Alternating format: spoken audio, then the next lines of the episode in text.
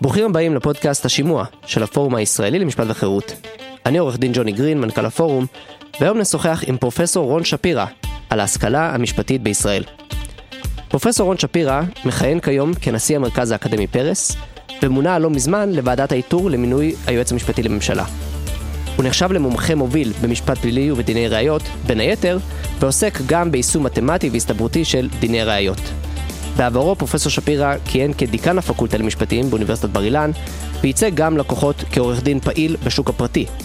פרופסור שפירא הוא גם חבר בוועדה המייעצת של הפורום הישראלי למשפט וחירות, והוא גם חבר מערכת בכתב העת Law, Probability and Risk, משפט, הסתברות וסיכון בהוצאת אוניברסיטת אוקספורד.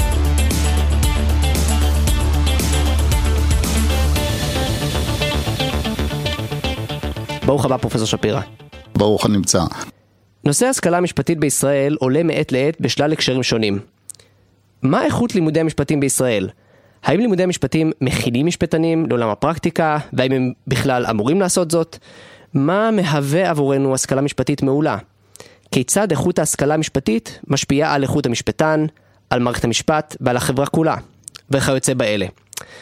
אני חושב שפרופסור שפירא מתאים במיוחד לדיון הזה, משום שכבר מאז 2001, כבר מעל 20 שנה, בעצם הוא עוסק בצורה כזו או אחרת בהוראת המשפט, או בניהול בתי ספר למשפט, בעצם מאז 2001, כשהוא מונה לדיקן בית הספר למשפטים באוניברסיטת בר אילן. ויותר מכן, אני חושב שגם פרופסור שפירא הוא מסוג המשפטנים שהמשיכו לשמור על מעמד בכיר ורציני בשני העולמות האלה של הפרקטיקה ושל האקדמיה. ואני חושב שאין הרבה משפטנים שיש להם את הפרספקטיבה הכפולה הזאת. פרופסור שפירא, בוא נתחיל, מה השתנה ב-20 שנים האחרונות של ההשכלה המשפטית ולימודי המשפטים בישראל? במילה אחת מעט מדי, אבל קודם כל תודה רבה על המילים החמות, ותודה על ההזדמנות להתארח בפודקאסט שלך. בוא נמשיך מעכשיו ותקרא לי רון, לא פרופסור שפירא, כיוון שאנחנו כבר מכירים לפני כן. מה השתנה לטעמי מעט מדי, ולטעמי בעיית החינוך המשפטי היא בסופו של דבר נגזרת מהמשבר של הדיסציפלינה המשפטית עצמה, זאת אומרת, מהמחלוקת באשר למשקל של הדיסציפלינה הזאת, ובעיקר האופן שבו היא אולי צריכה להשתנות בפני עצמה. אז החינוך המשפטי אמור להכין לפרקטיקה המשפטית, הפרקטיקה המשפטית אצלנו, אבל גם בשאר העולם, היא במשבר, ולכן אני חושב שצריך לשנות אותה. היא משתנה בהדרגה ב-20 השנה האחרונות, אבל לא מספיק לטעמי. מה הכוונה שהפרקטיקה במשבר? משפטים זו דיסציפלינה מיושנת. מאוד מיושנת. היא מתמקדת בניתוח של טקסטים, ובעצם היא לא מצייתת לקונבנציות המטה-תיאורטיות שקיימות כבר מאות שנים בשאר הדיסציפלינות האקדמיות. מוסכמות כמו פשטות בניסוח, מוסכמות שאומרות שלפני שאנחנו מדברים על, מתחילים לנהל את הדיון, בוא נסכים כולנו על מושגי היסוד, נגדיר אותם באותו אופן כדי שלא יהיה בינינו דו שיח של חרשים ונמשיך להתקדם משם. בהירות באשר לשיטות המחקר. כשאתה קורא מחקר במדעי החברה או במדעים האחרים, אז כולם שותפים לאות, לאותן מוסכמות על איך צריך להיראות מאמר. למשל בדיסציפלינות מסוימות, הוא תמיד יתחיל בהצגה בהירה של הבעיה, לאחר מכן סקירת ספרות, תמיד פחות או יותר באותו היקף, סקירת מחקרים קודמים, הגדרה בהירה של שאלת המחקר שהמאמר מתמקד בו, אם זה מאמר אמפירי, הצגת הנתונים, לאחר מכן דיון ומסקנות. אין דבר כזה במשפטים, אלא כותבים פרוזה שוטפת, כל אחד מדבר בשפה אחרת. בוא תמצא שני משפטנים שמסכימים מה הרציו של, פס... של פסק דין אחד, וזה ו... כבר הישג, וזה בלתי בדיוק. אפשרי. וכמובן פסקי הדין. פסקי הדין הם מסמכים ארוכים, לא כתובים על פי מתודה אחידה של הגשת טקסט. אלא יש מי שמשלב בהם שירה, פסוקים מהתורה, הגיגים פילוסופיים, הגיגים כאלה ואחרים, ויש לעומת זאת מי שפשוט נותן מסקנה חתוכה על פי הנתונים שבפניו, יש מידה משתנה לגמרי של היעדים של ניסוח המסמך, אנשים לא מסכימים ביניהם בעצם מה מטרת המסמך שהם מחברים, אז, אז הדיסציפלינה עצמה היא מאוד מאוד מיושנת ולכן כשמלמדים אותה, אנחנו במידה מסוימת נמצאים כמו מישהו שמלמד דיסציפלינה שלפני המהפכות המדעיות העיקריות. ו, ו, וזה מקרין על, האופ... על, על התכנים של הלימוד. אז איך זה בא לידי ביטוי בעצם שהלימוד המשפטי תקוע במקום מסוים בעבר? קודם כל, אה, משפטנים לצערנו, וזאת בעיה בעיקר בשיטת הלימוד שלנו, בשונה למשל משיטת המש... הלימוד ב, אה, בארצות הברית, משפטנים הם בורים מכוח ההכשרה הבסיסית שלהם בהרבה מאוד מהדברים שכמעט כל אדם בעל הכשרה אקדמית, בעל תואר ראשון אקדמי, מכיר אותם. אה, בקמפוס הנוכחי של המרכז האקדמי פרס יש 6,700 תלמידים. כמעט היחידים בהם שלא יודעים דברים בסיסיים בכלכלה או במתמטיקה. מה שיודע כמעט כל אדם משכיל בוגר תואר ראשון, כמעט היחידים בהם הם משפטנים. היחידים שלא באמת מבינים מה ההבדל בין פונקציה לבין קצב השינוי שלה, הם משפטנים. זה משליך בסופו של דבר על האופן שבו הם מבינים דברים אחרים. זה, זה מתחבר לשני דברים באופן משעשע, אחד זה, יש פסק דין, אני לא אזכיר אותו עכשיו במקרה הזה, אבל אה, זה קורה המון, שאתה קורא פסקי דין של שופטים, כמובן גם זה נכון בכתבי טענות וחוות דעת, אבל במיוחד פסקי דין, שיש איזשהו מימד אה, כלכלי או עסקי, והבורות או חוסר ההבנה של המטריה הכלכלית זועקת מהעמוד. אני, אני רוצה לתת דוגמה, אבל זה מרגיש לי קצת אה, בנושא רגיש מדי, אבל יש איזשהו פסק דין שיש לי בראש, אולי נגיע אליו אה, בהמשך. אני, אני, אני כן. אשמח לתת דוגמאות מעצמי. זה בסדר? אז, אה, בוודאי, כן. בוא, בוא, בוא אני, אני, אני יכול, תוך כדי שאנחנו מדברים על זה, לחשוב על כמה דוגמאות. ושוב, השופטים עצמם, הם בדרך כלל... מבינים, אבל, אבל, אבל הם מבינים לא כי זאת ההכשרה שהם קיבלו כמשפטנים, הם מבינים כי הם אנשים מבוגרים וחכמים. מהניסיון חיים שלהם. ו- או... כן, אבל, אבל, אבל זה לא חלק מהדיסציפלינה שלהם, זה לא מה שהם למדו בבית הספר למשפטים. הדבר השני שרציתי לומר שזה, אני משתעשע ממנו, זה שבסמינר הקיץ של הפורום אה, לסטודנטים משפטים, הבאנו את השופט רון שפירא, לא פרופסור רון שפירא, שאנחנו איתו עכשיו, אלא השופט רון שפירא, ובא ודיבר בדיוק על הנושא של מדוע חיוני אה, שלמשפטן יהיה השכלה אה, רחבה יותר מהמשפט, אז גם יש לנו פה שני רון שפיראים שמדברים על, ששני, על העניין הזה בהקשרים שונים. כן. כן. התח, התחלתי לחשוב על דוגמאות, אבל שוב אני עוד... זה קצת מזכיר את הדיון לפעמים כשמתדיינים עם אנשים חרדים על מה המשמעות של לקבל עצה מרב בתחום שאיננו הלכתי מובהק. כאשר משפטנים מתעסקים בתחומים שהם לא משפט נטו, אלא הם אה, ענייני חברה וכלכלה ויישומים ויישומי מקרו אה, אה, של, של קביעות נורמטיביות. זה מאוד דומה להתייעצות עם רב בשאלות של רפואה או של כלכלה. עכשיו, בדרך כלל הרב הוא אדם זקן, בעל ניסיון, חכם, אה, עם, עם, עם הרבה אינטליגנציה, והניסיון והחוכמה גורמים לזה שהוא באמת פחות או יותר אה, קולע ברוב הדברים. אבל לפעמים גם, אה, וכל מי שדיבר עם רבנים מכיר את זה, לפעמים גם אתה נתקל במקרים שאתה צריך להזיע הרבה עד שאתה מסביר דברים שבתוך התחום הם מובנים לגמרי. וגם אדם חכם ומנוסה יכול לומר דברים שהם מביכים לפעמים. כן, או, זה... או שלמדת או שלא, או שאתה מכיר כן, את זה או שלא. כן, וזה קורה הרבה מאוד אה, פעמים, גם אצל משפטנים, בין אם הם שופטים, בין אם הם יועצים משפטיים, זה קורה משום שהם אה, עוסקים, כמו חלק מן הרבנים, בתחומים שהם לא לגמרי תחום העיסוק שלהם. עכשיו, בוא, בוא, בוא נדבר קצת על דוגמאות, דווקא, אה, אה, אני לא הייתי בורח מדוגמאות. בוא ניקח כמה דוגמאות שאני באופן אישי מכיר. אה, הופעתי לפני קצת יותר מעשור בדיון נוסף בבית המשפט העליון שנקרא פרשת עדן מלול.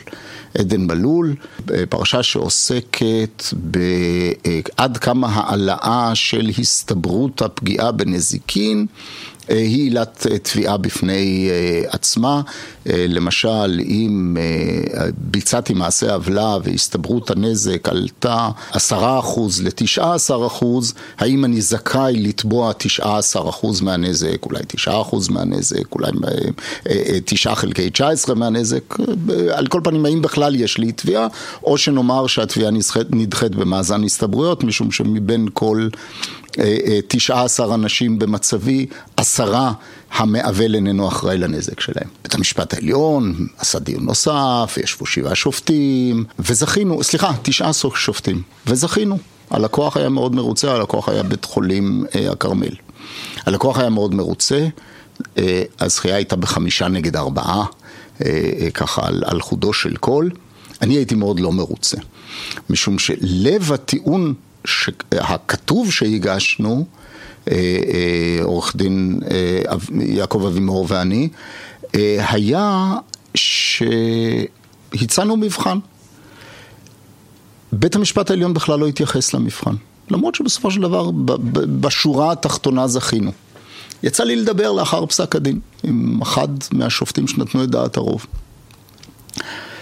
ותוך כדי שאני מדבר הבנתי שבית המשפט העליון, בניגוד למרבית הסטודנטים בשנה א' במרכז האקדמי פרס, לא יודע, או שופטיו לא מודעים להבדל בין הסתברות לבין מובהקות למשל. לא מודעים להבדל. עכשיו, הסטודנטים במרכז האקדמי פרס הם אנשים צעירים מאוד נחמדים, אבל בכל זאת אני נוטה להניח על פי הפסיכומטרי שלהם וכן הלאה, שהם לא קבוצת אוכלוסייה מובחרת כמו אה, אה, תשעה משופטי בית המשפט העליון. בכל זאת, אנשים אה, שנבחרו אה, על בסיס סלקטיבי הרבה יותר, אה, אה, מסננת הרבה יותר אדוקה. כן. אה, ואף על פי כן מפתיע לראות שתשעת האנשים הזקנים והחכמים האלה כאשר הם באים לדון בעניין של ליבו, זה הבנה של בעצם בדיקת השערות. לא מכירים אפילו את אוצר המילים הבסיסי של בדיקת השערות. וזה היה בסדר, אלמלא בעצם זה מה שאנחנו, זאת המשימה שהחברה מטילה עליהם להכריע בו. כיצד בודקים השערות. אני יכול לתת עוד המון דוגמאות, אני יכול לתת, לתת עוד? יש אחד שקופץ לי ראש, אני רוצה לומר אותו, אבל אני רק אגיד בכוכבית, שיש מאמר מאוד מוצלח של פרופסור אהוד גוטל על דיני הנזיקין, על נראה לי קוראים לזה מתואמים ולא משלימים, משהו, אני עכשיו לא זוכר את זה, אבל יש גם פרק בפודקאסט שלנו של השימוע שאנחנו מראיינים את פרופסור גוטל בנושא הזה, שהוא מדבר בין היתר על איך בית המשפט העליון בעצם מנסה דרך דיני הנזיקין להשיג כל מיני תוצאות שהוא לא כל כך נוח לו להשיג דרך המסלול המנהלי של בג"ץ, אז סתם הזכרת לי, כי אם אני זוכר נכון גם עדן מלול נידון שם במאמר. אתה מעלה שאלה מרתקת שאני חושב שהיא שאלה בפני עצמה שכדאי לדון בה, שזה המבנה של בתי המשפט בישראל והערעור האוטומטי לעליון. כלומר, אם יש לך, אני לא יודע אם אתה חושב שהדבר הזה היה קורה בבית משפט מחוזי, אבל המון פעמים יש במחוזי יותר התמקצעות מבחינת השופטים והתחומים וכאלה, אולי בין אם זה תיק שמוטב לשופט כזה או אחר או דברים כאלה, ובגלל שבעליון כמעט כל תיק משמעותי בישראל מגיע אל העליון בערעור בזכות, ובסופו של דבר מדובר ב... 15 אנשים לכל היותר, וכמובן בדרך כלל הרבה פחות מבחינת מי שיושב בהרכב, באמת הסתברותית, אם כבר דיברנו על הסתברות, הסתברותית הרבה פחות סיכוי שתהיה להם את המומחיות הנדרשת כדי לדון בכל ערעור וערעור שיש במדינת ישראל, בית משפט מחוזי.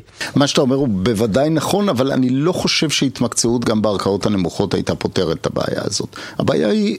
הדיסציפלינה, אם ברגע שהדיסציפלינה המשפטית נוהגת מנהג אימפריאליסטי להכריע בשאלות שהן לא נורמטיביות במובהק, אלא בתשתית העובדתית שנדרשת לשם קבלת ההכרעה הנורמטיבית, אז גם אם נגיד יהיו שופטים שמתמקצעים בעניינים כלכליים לעומת שופטים שמתייעים, במוקדם או במאוחר אנחנו נגיע לכך שאנשים יכריעו בשאלות ש... לוקח להם הרבה מאוד זמן והרבה מאוד מאמץ כדי להבין אותם. התשובה הסטנדרטית שאומרת, אנחנו מקשיבים למומחים ולפי זה אנחנו נכריע, שהיא תשובה נכונה בדרך כלל, גם אני בתפקידי כמנהל. יש המון דברים שאני לא יכול להבין בהם, אז, אז אני שואל בעלי מקצוע. אבל זה, זה, זה עד גבול מסוים. אם אני מנהל בתחום שבאמת אני לא מבין בו את מושגי היסוד, אני אהיה מנהל גרוע מאוד. אה, וזה דומה מאוד, אם, אם למשל אני אצטרך אה, לנהל בצווים את אה, מתחם הר מירון, אה, באופן שוטף, כך שהמנהלים ידווחו לי ו- ו- ו- וכן הלאה, כנראה אני אהיה מנהל גרוע מאוד של המתחם במירון. אה, ויש עוד דוגמאות, אולי בהמשך נדבר על, על עוד דוגמאות, ש... אני אתן דוגמה אחת. לפני שנתיים בית המשפט העליון נתן פסק דין בשאלת מקדם ההיוון של אה, פיצויים כאשר נותנים אותם בתשלום חד פעמי. פיצויים אמורים לפת... אה, אה, אה, להיות... קצבה כזאת. תשלום למפסם שהוא במקום קצבה איטית כן. לתקופת תוחלת החיים. בפועל, לפני פסק הדין ולאחריו, הם מהוונים לפי שלושה אחוז לשנה. זה מקדם היוון שבתנאים הנוכחיים הוא, הוא, הוא מוזר מאוד והוא מקפח מאוד כמובן את מקבל הפיצוי, משום שאף אחד מאיתנו לא יכול להבטיח לאורך עשרות שנים אה, ריבית של שלושה אחוז בסיכון נמוך. בית המשפט העליון לא יציע לי שום אג"ח מדינה או אג"ח דומה לזה במידת הסיכון שלו, שיבטיח אותי ל-30 או 40 או 50 שנה תוחלת חיים אה, עם שלושה אחוז. לא יקרה. אה, ולכן היו אנשים שאמרו, תורידו את מקדם ההיוון, תורידו אותו לשני אחוז, תורידו אותו לאחוז, פחות או יותר זה, זה, זה הריאלי. המדינה היא כמובן בעלת עניין גדול בזה, משום שהמדינה היא משלמת פיצויים מאוד גדולה והיא אף פעם לא מקבלת פיצויים. אז uh, המדינה היא בעצם גוף בעל אינטרס, כן, ובאמת יש דוח, דוח של קמיניץ, שהוא דוח מטעם המדינה, שאמר מכל מיני טעמים אין לנו ראייה מספיק טובה לזה ששלושה אחוז זה מקדם היוון אה, אה, גבוה מדי, ולכן בוא לא נשנה ונשאיר את זה על שלושה אחוז, זאת העמדה שבית המשפט העליון בסופו של דבר קיבל. מעבר לעניין עצמו, צריך לקרוא את המסמך הזה של בית המשפט העליון כדי להבין עד כמה הוא מרוחק מה... מהכרעה מקצועית בשאלה. על פני עשרות עמודים יש הסבר שמסביר באופן בסיסי דברים שחלקם מוסברים בחטיבת ביניים, כמו איך, מה החשיבות של זמן, ומה מה המשמעות של ריבית, ובעצם מה זה סדרה הנדסית, ומה זה משוואה מעריכית. עכשיו, זה, זה טקסט של עשרות עמודים, שחלקים גדולים ממנו נראים לא נעים לי לומר, כאילו הם נכתבו בעבור ילדים. עכשיו, הם נכתבו בעבור מבוגרים, משפטנים. אני מניח שגם לבית המשפט העליון הדברים האלה הם פשוטים מאוד, אבל בית המשפט העליון כנראה חושב שקהל היעד שלו, בהיותו קהל יעד של משפטנים, הוא קהל יעד של אנשים שממש לא מבינים דברים מאוד מאוד בסיסיים, ולכן הוא טורח לבזבז את הזמן המאוד יקר של, של, של המערכת המאוד יקרה הזאת בשביל לכתוב את הטקסט הארוך הזה. אה, ובסופו של דבר הוא מגיע למסקנה שמקדם היוון של שלושה אחוז, זה בסדר, בסדר גמור. כן. אתה מזכיר לי, רציתי לומר בכל זאת, באמת יש את ה... אני זוכר שנתקלתי בפסק הדין בעניין חוק הפיקדון, מה שהיה נקרא חוק הפיקדון, בעניין אה, אולי הניסיון החקיקתי הרביעי, אם אני לא טועה, שנפסל בניסיון להתמודדות עם אה, בעיית המסתננים וכולי, מסתננים מאפריקה, בין היתר, וחוק הפיקדון בין היתר היה חוק שהטיל איזושהי חובת הפרשת אה, כספים מתוך השכר של מסתננים, שישמר להם בצד, ורק כשהם חוזרים למדינת המקור או למדינה שלישית, הם מקבלים את הכספים וכולי. בית המשפט בסופו של דבר פסל פחות או יותר את, את ההסדר הזה. ואחד הדברים שהיו נורא מעניינים ומתקשרים לדיון שלנו, זה שבדעת הרוב, בפסק דין המרכזי, בעצם היו שני רכיבים להפרשה הזאת, שאמורים להפריש, שהמעסיק, שהמעסיק אמור להפריש. יש את הרכיב מעסיק ואת הרכיב אה, עובד. ובית המשפט אמר, מהרכיב של המעסיק, ההפרשה של המעסיק, אנחנו נתעלם בעתירה הזאת, בגלל שזה מעסיק משלם את זה ולא העובד משלם את זה. ופה נפגע הזכות הקניינית של העובד, רק הפרשת אה, אה, אה, עובד. עכשיו, כל מי שגם פעל, בעולם, בוודאי כל מי שמבין קצת בכלכלה, אבל כל מי שפעל בעולם האמיתי מבין שההבחנה הזאת בין שני סוגי הפרשות היא מלאכותית לחלוטין. כלומר, זה, זה, ש, זה שאנחנו קוראים לזה הפרשת מעסיק, וזה שאנחנו קוראים לזה חלק אחר הפרשת אה, אה, מעביד, אה, סליחה, עובד, זה חסר משמעות לחלוטין. כלומר, יש כסף שמעסיק מוציא, לא אכפת לו איך הוא מוציא את זה, בסופו של דבר זה עלות מעסיק שהוא מוציא על עובד מסוים.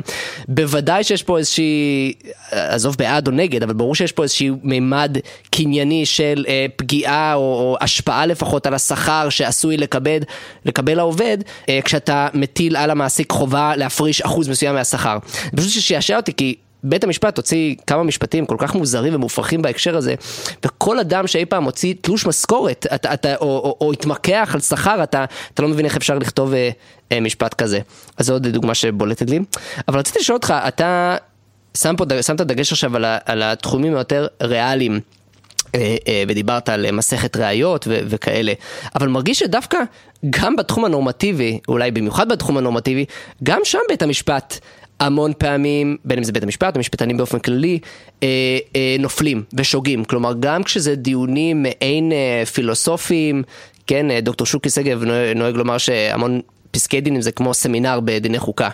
אה, ובמושגי יסוד בסיסיים, שאתה... היית מצפה לקצת יותר אוריינות, בין אם זה ברמה השוואתית או ברמה הפילוסופית, מה שזה לא יהיה. גם שם מרגיש שיש המון נפילות. אז אתה מרגיש שזה גם, שזה גם בתחום הנורמטיבי, ההגותי? לא, הבעיה באמת בתחומים של, של פילוסופיה פוליטית או של תורת מוסר, שהם באמת הרבה יותר פתוחים בהנחות המתודולוגיות שלהם, וגם שברוב המקרים כשהם נערכים ברמה גבוהה הם לא מיועדים לצרכים יישומיים. מי שעושה תורת מוסר יישומית, אתיקה מסדר ראשון, או מי שמיישם פילוסופיה פוליטית לשאלות פוליטיות ממש אה, אקטואליות, הם בדרך כלל משפטנים או פוליטיקאים. מורי הלכה מאיזשהו סוג. אלה, אלה האנשים ש, ש, שמיישמים את זה. הדיון הפילוסופי, הדיון התיאורטי, הדיון האקדמי, הוא בדרך כלל או נעשה ברמת המטה, או שהוא נעשה אה, אה, לצרכים של הבהרת מושגים וכן הלאה, הוא כמעט תמיד לא נעשה לצרכים יישומיים. אה, אני לא חושב ש...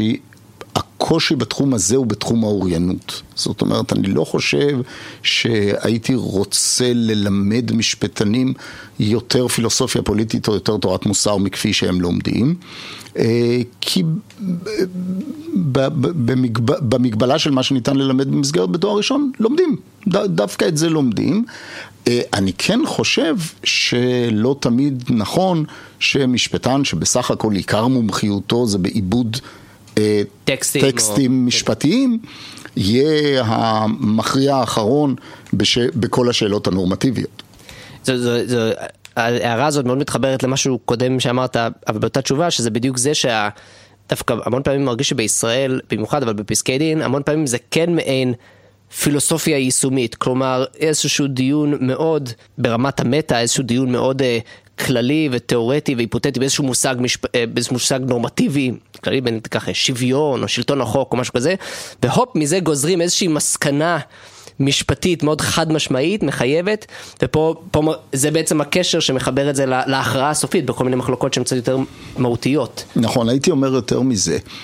הרבה פעמים בקפיצה הזאת, כמו שאתה מתאר אותה בצורה מאוד מדויקת, בקפיצה הזאת טמון גם מין שימוש בבאזוורדס אופנתיים בדיוק באותו זמן שבו נכתב פסק הדין. אה, אני אתן עוד דוגמה. פסק הדין בג"ץ הקרקעות של הקשת המזרחית הדמוקרטית לפני 20 שנה בערך. אני רציתי להעלות את זה כי אתה הצגת שם בין היתר, נכון? אה, אני נתתי שם חוות דעת מטעם המרכז החקלאי, היו שתי חוות דעת, אחת שלי ואחת של פרופסור גבריאלה שלו. אה, שתיהם נדחו על ידי בית המשפט. לב חוות, חוות הדעת שלי פורסמה אחר כך בכתב עת המקרקעין שערך אז אה, פרופסור אהרון, אהרון נמדר. מה שאמר בית המשפט בסופו של דבר כלל שימוש אה, אה, סיסמה שהפכה אז אופנתית לפני עשרים שנה בהקשר הישראלי שלנו, בין השאר בזכות ספר נחמד מאוד שעשו פרופסור מני מאוטנר ופרופסור דפנה ברק. צדק של, חלוקתי. של צדק חלוקתי.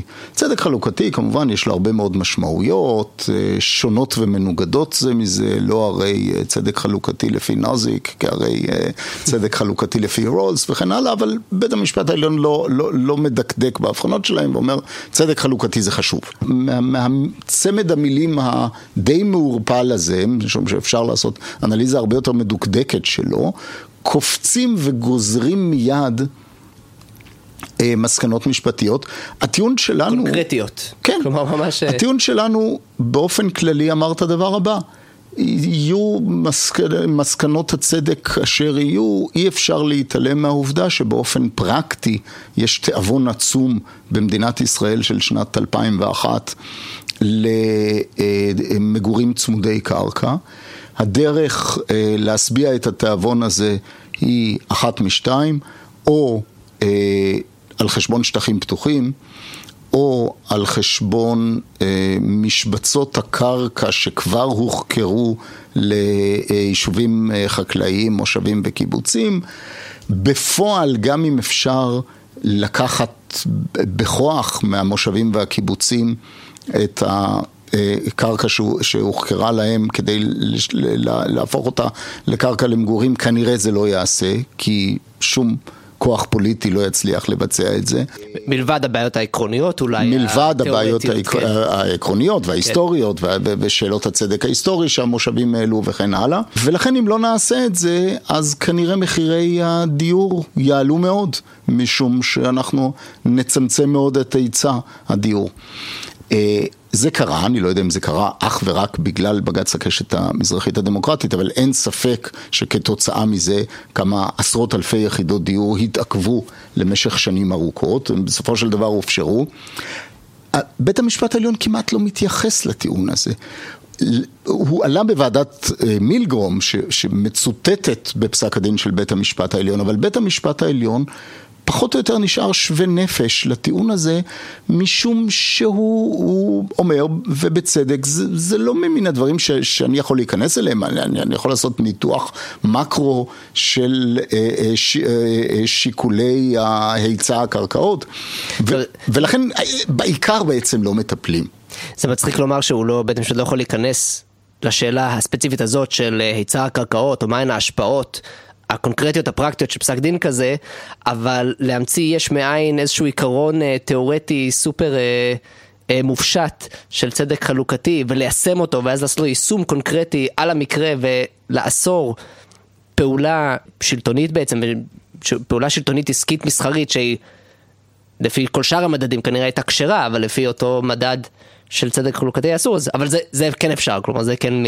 כן, עכשיו שוב, אני לא רוצה לטעון באופן פוזיטיבי שבגלל פסק הדין הזה נגרם עוול לעשרות אלפי אנשים. בשביל לטעון טענה כזאת אני צריך מחקר אקונומטרי עם, עם, עם, עם הרבה מאוד משתנים ולהוכיח אותו, ואין לי הוכחה כזאת. זו בוודאי טענה רווחת. יש לי תחושת בטן כזאת, והקושי העיקרי הוא שזה... איש, איש לא התחיל אפילו לבדוק את זה לפני שהחלטה של הגוף המוסמך, מועצת מקרקעי ישראל, זה גוף ש, שנשלט על ידי הממשלה בראשו שר, הוא אה, מכוח אה, אה, חקיקה שהיא חקיקה אה, יסודית ועיקרית, אה, היא קיבלה החלטה, ההחלטה הזאת נפסלה כאשר העיקר, הדבר הפרקטי העיקרי, לא נבדק בעצם על ידי אה, גורם ש... רואה את עצמו כמסוגל לבדוק את הדבר הזה.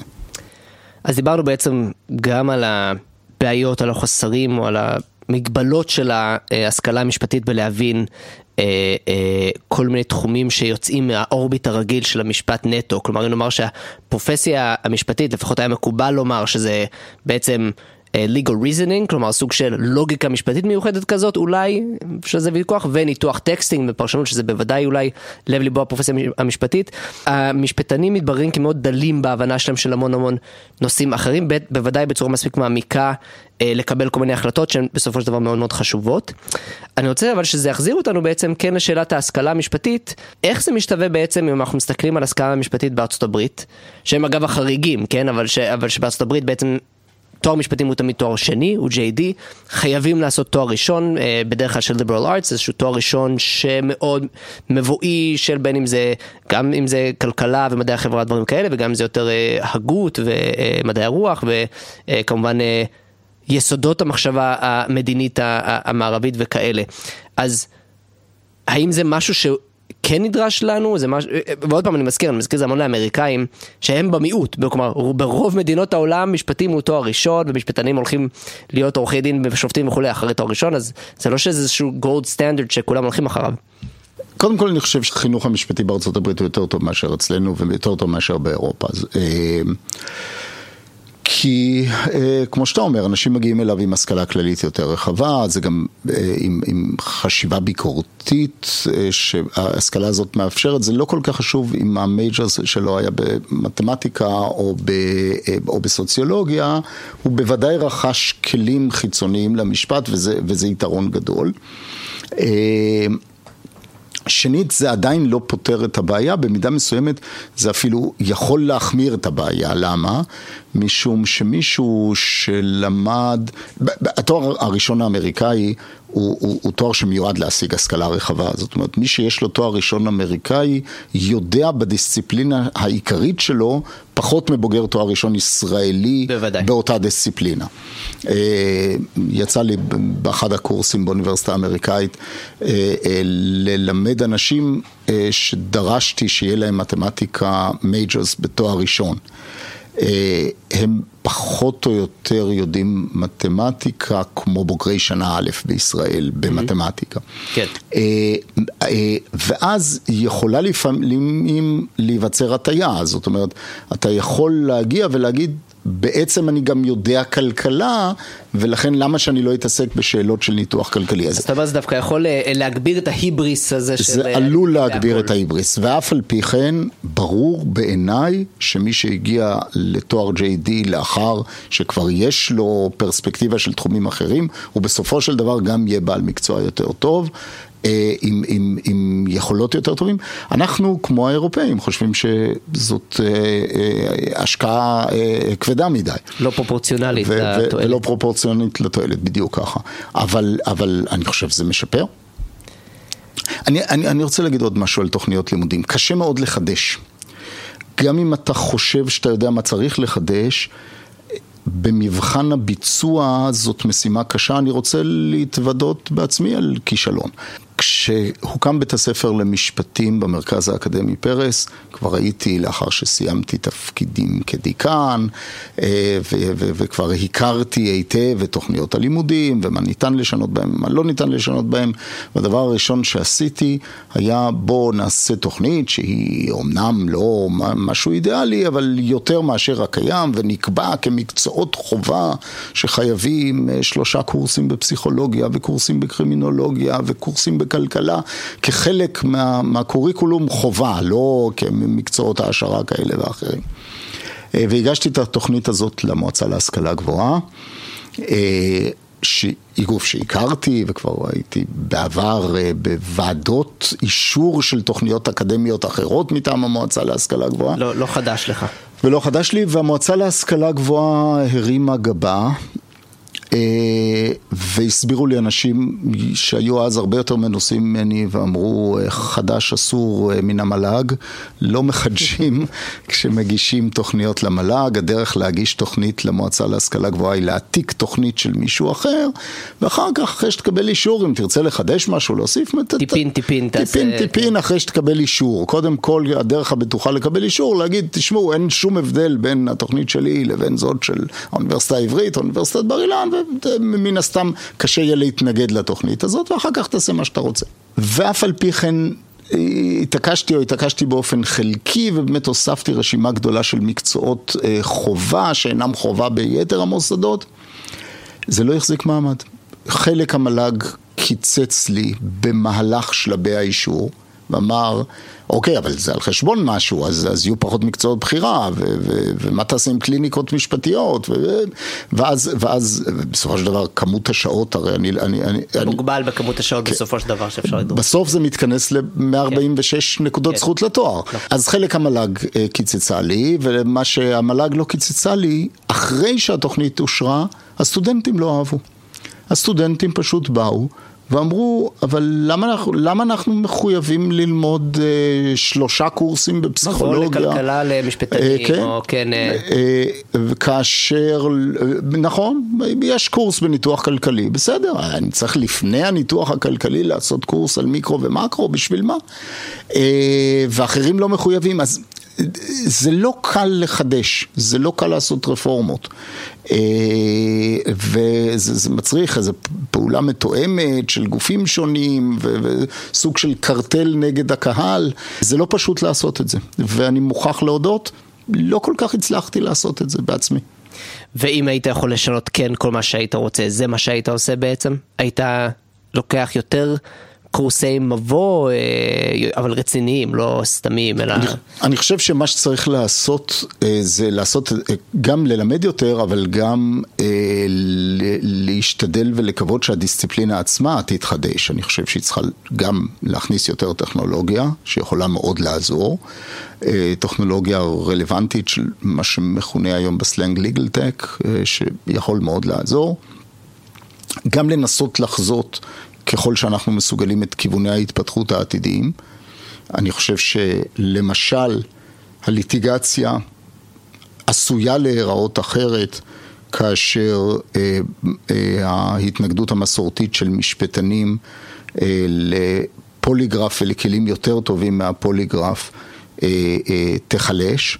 בסופו של דבר היום במשפט אזרחי רגיל אם מדובר במקרה של עדות נגד עדות, ואני עושה פוליגרף לשני הצדדים, ואני מתחשב בו אך ורק כאשר התוצאות הן תואמות, זאת אומרת, אה, אה, אתה דובר אמת ואני משקר על פי תוצאות הפוליגרף, ואז אנחנו כן. מכפילים false positive של אחד ב false negative של השני, אנחנו נגיע לתוצאות שהן בסדרי גודל יותר מדויקים מאשר אה, הערכת מהימנות עדויות לפי כמות המצמוצים בעיניים או הזיעה ב, אה, כן. בשולי השפתיים. כן, זו נקודה מצוינת כמובן, כלומר היום אתה יכול, חושב על דיני ראיות ועל אה, עדים וחקירת עדים וכולי, היום שום, כלומר ברור שהכל מתבסס בין אם זה על ה... ההתנהלות של העד וההתרשמות של העד, וכמובן זה גם יותר תוכנית, האם תפסת את העד באיזשהו חוסר קונסיסטנטיות, האם הוא אמר איזשהו משהו לא עקבי, שלא מתיישב, מה שהוא אמר לפני וכולי, אבל... בעצם ו... יש היום כלים טכנולוגיים שלפעמים לפחות יכולים להיות מאוד ברורים לגבי כשמישהו משקר או לא משקר. וזה, וזה כשאנחנו לא מתחשבים ב-FMRI ובכלים שמן הסתם מפותחים עם הזמן, אה, שהם הרבה יותר עדכניים מהפוליגרף. הפוליגרף זאת טכנולוגיה בת יותר ממאה שנים, היא בסופו של דבר מד נשימות, לחץ דם. כן. ומוליכות חשמלית בעור שהיא פרוקסי להזעה. אה, אבל אה, זה, זה כולם מכשירים שכבר היו לפני יותר ממאה שנה. אה, אז, אבל, אבל יש היום מכשירים יותר טובים יותר מתקדמים, בוודאי. ברור שיש התנגדות מסורתית של שיטת המשפט שאומרת אנחנו לא רוצים להיות מוחלפים בידי טכנולוגיה. יכול מאוד להיות שהכלים הפרימיטיביים לזיהוי האמת על פי סימני אמת עקיפים יהיו מיושנים. ו... וזה ישנה. כן הייתי מנסה ללמד את זה, גם אנשים של היום, כן הייתי מנסה ללמד אותם מה יקרה כאשר משא ומתן אה, חוזי יהיה הרבה יותר מובנה בכלים טכנולוגיים. זה, זה בהחלט דבר שאפשר לנסות ללמוד. אני, למרות שהכרזתי על עצמי כמי שנכשל במשימה בכללותה, זה לא דבר שאנחנו מפסיקים לנסות אותו, אנחנו מכניסים יותר ויותר מהדברים האלה. במידת האפשר, ככל שאתה יכול לשחק נגד שוק או, או, או לא לגמרי לפי מגמת השוק. כמובן, אני מניח גם יש בתוך קורסים אה, מרכזיים ראשיים שאפשר להכניס בתוך הסילבוס שלהם, כל מיני תכנים שהם יותר חדשנים וכולי. כן. אני רוצה לקחת אותנו לכיוון קצת אחר, ולשאול שאלה שהיא מאוד קשורה לדברים שדיברנו עליהם, אבל קצת יותר ממוקדת. זרקת את המונח גם אימפריאליסטי לגבי, כן, תחום המשפט וזה. אם נניח לרגע שאלו מגבלות פחות או יותר אינהרנטיות או שצריך לקבל אותן, כלומר בעתיד הקרוב הנראה לעין השכלה משפטית, לא רק שהיא לא תשתנה, אלא אפילו אפשר להטיל ספק האם הפרופסיה המשפטית, האם המקצוע המשפטי, זה לרבות משפטנים, שופטים וכולי, האם הם בכלל באמת מסוגלים לתפוס את כל היריעה הרחבה הזאת בצורה מעמיקה? כלומר, עד כמה בן אדם באמת יכול להיות, להפוך לכזה מומחה או מעין מומחה בכל כך הרבה אה, נושאים ותחומים? השאלה היא בעצם סוג של שאלה של האם הפתרון דווקא צריך להיות כזה של קצת יותר צניעות או זהירות או אה, הימנעות מסוימת, כלומר האם בהינתן המצב הזה הגישה של המשפטן, ואני אומר באמת במיוחד השופט, צריכה להיות גישה אה, אה, קצת יותר צנועה, שאומרת, אוקיי, יש לי פה מגבלות ברמה של, אני מבין, ב-1, 2, 3, האם זה משפיע על המידה שאני מוכן להתערב בכל מיני הסדרים, לשנות כל מיני הסדרים, אני שואל. אני, אני לא יכולתי להסכים יותר, זאת אומרת, משפטנים צריכים ללמד את, את לשונם לומר אינני יודע. אה, ו, ולהבין מה המשמעות. והמשמעות היא בדרך כלל להפנות את זה אה, למי שכן יודע, ולנסות למעט במידת האפשר בקבלת החלטות על בסיס משפטי. החלטות על בסיס משפטי צריכות להיות אה, מוצא אחרון כשאין דרך להחליט. כשאתה אה, אומר בסיס משפטי, אתה מתכוון על בסיס של ליטיגציה? של, אה, של ליטיגציה או בוררות, כן. ליטיגציה במובן של הליכים משפטיים אדברסליים. של, של הליכים אה, אה, משפטיים, אה, אה, אלה או אחרים. מכל הסוגים, כן. בסופו של דבר, יש דרך לעשות את זה. זאת אומרת, יש, זה, זה די ברור מה אנחנו צריכים לעשות כדי שמשפטנים יהיו מעורבים פחות בהחלטות, בין אם בהחלטות של מדיניות ציבורית ובין אם החלטות מיקרו שבין צד א' לצד ב', החלטות חוזיות או החלטות אה, קנייניות. אה, אני, אני יכול להגיד שלצערי המגמה היא לעיתים קרובות בדיוק הפוכה מזה. אה, קודם כל יש פה עניין של קבוצת אינטרס חברתית. אנחנו המשפטנים, אנחנו קבוצה, אנחנו נוטים להעדיף את האינטרסים של הקבוצה שלנו.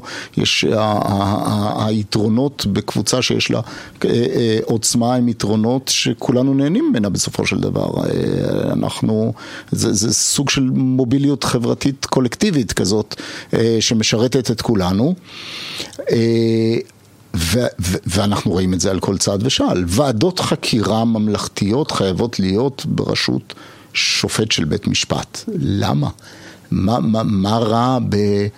אה, למה שמי שבודק אה, את אה, נגיד אסון מירון לא יהיה פרופסור בכיר להנדסה אזרחית, או, כן, או כבאי, מישהו... או, או לתקני אבטחה, או לאבטחת איכות, או, או, או, או, או, או, או למנהל עסקים וכן הלאה. הסיבה היא שמה, ששופטים הם... יותר ישרים, יותר בעלי ידע רחב וכללי, זה, זה, זה, בעיניי זה לא הגיוני, זאת אומרת זה לא הגיוני אה, שבהרבה מאוד דברים אנחנו מצפים שמי שמקבל את ההחלטות יהיה משפטן, משום שמשפטן מקצועו קבלת החלטות, זאת בעצם ההנחה הסמויה. החלטה סתם מוטב שתתקבל על ידי משפטן, אה, אלא אם כן היא החלטה אה, יישומית או טכנית או אה, במובן צר כלשהו, שאז היא לא מתקבלת על ידי משפטן. את זה, את זה אפשר לתקן.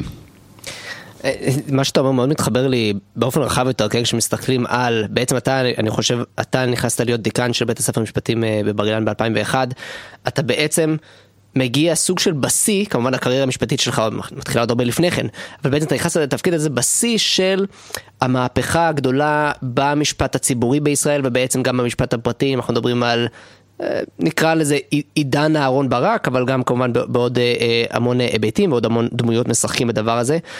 וזה מאוד מתקשר לי כן איזשהו שינוי מאוד משמעותי לגבי התפיסה של תפקיד בית המשפט, תפקיד בית המשפט עצמו, אם אנחנו מדברים בשפה כמו שדיברת, כל מיני מטה תיאוריות וצדק חלוקתי וזכויות אדם וזה, ואיזושהי המעטה מאוד גדולה ביציבות ועקביות וזהירות וצניעות, וזה מאוד מתחבר לי.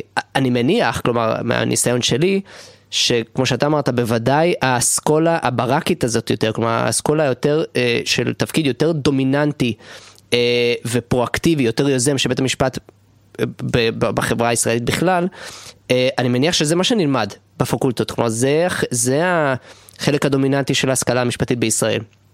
זה משהו שגם צריך לשנות? כן, אבל אי אפשר להתעלם מעוד דבר. השינויים שפקדו אותנו היו בעצם הקצנה של שינויים שקרו בכל העולם. או לפחות בכל העולם המערבי.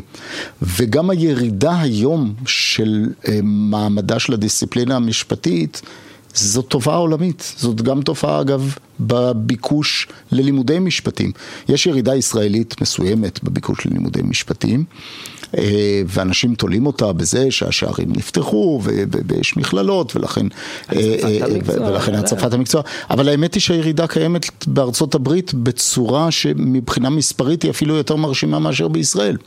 בארצות הברית מאז 2010 ועד עכשיו יש ירידה בנרשמים ל-LSAT של בערך 25 אחוז. זה המון. מדהים. במדגמים של מיליונים. זה המון. אה, ו... זה נתון מאוד מעניין על ה... וזה כן. מדד ביקור. עכשיו, זאת אומרת... איפשהו התחושה שמדובר בדיסציפלינה מיושנת שמתקשה אה, אה, לחדש, שאולי תוחלף בחלקה במרוצת הזמן על ידי טכנולוגיה, אה, שאין לה את ה... ה-redeeming value שפעם חשבו שיהיה לה, היא, היא לא תופעה ישראלית ייחודית, היא תופעה כללית בעולם המערבי, ויכול להיות שאנחנו נמצא את עצמנו בעוד, בוא נגיד, בדור שלך, כנראה כבר לא בדור שלי, אבל מאוד יכול להיות שאנחנו נמצא את עצמנו עם דיסציפלינה משפטית שהיא שונה לגמרי מזאת שאנחנו מכירים היום, היא הרבה יותר צנועה, היא הרבה יותר מרוסנת, אה, כפי, שב, כפי שאנחנו רואים למשל לגבי ממסדים דתיים. הם עדיין מאוד מאוד חשובים, אבל הם כבר מתגדרים בדלת אמות של דברים ש, ש, שלדת יש בהם אמירה מובהקת, בעניינים שברוח וכן הלאה, ולאו דווקא עם ניהול ענייני היומיום. מרתק. אז תודה רבה לפרופסור אה, רון שפירא. תודה. תודה רבה לכל המאזינים. אזמין אתכם להצטרף לפורום הישראלי למשפט וחירות, לעשות לנו לייק לעמוד הפייסבוק ולהצטרף כחברים באתר שלנו lawforum.org.il.